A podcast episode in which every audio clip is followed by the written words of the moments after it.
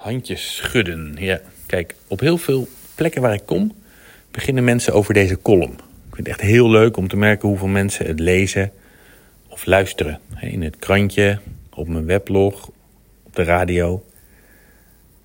Mijn doel daarmee is om u een klein beetje een inkijkje te geven in de beslommeringen van een burgemeester.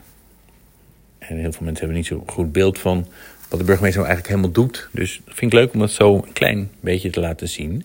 Van sommige mensen hoor ik vervolgens terug dat ja, de burgemeester niet alleen maar handjes moet schudden. Dat is natuurlijk een hele interessante reactie om, op mijn inkijkje in mijn werk.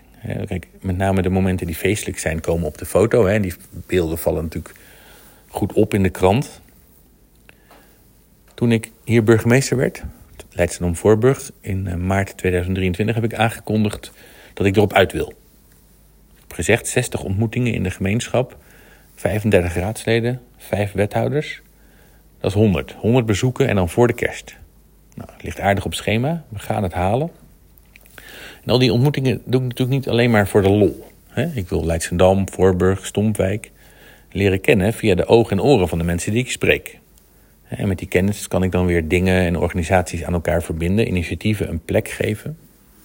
Dat ik collega's attenderen op iets wat ze misschien nog niet wisten of waar ze nog niet genoeg aandacht aan konden geven door andere redenen.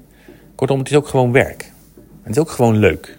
Dus wie denkt, die burgemeester schudt alleen maar handen, ik schud ook graag de uwe.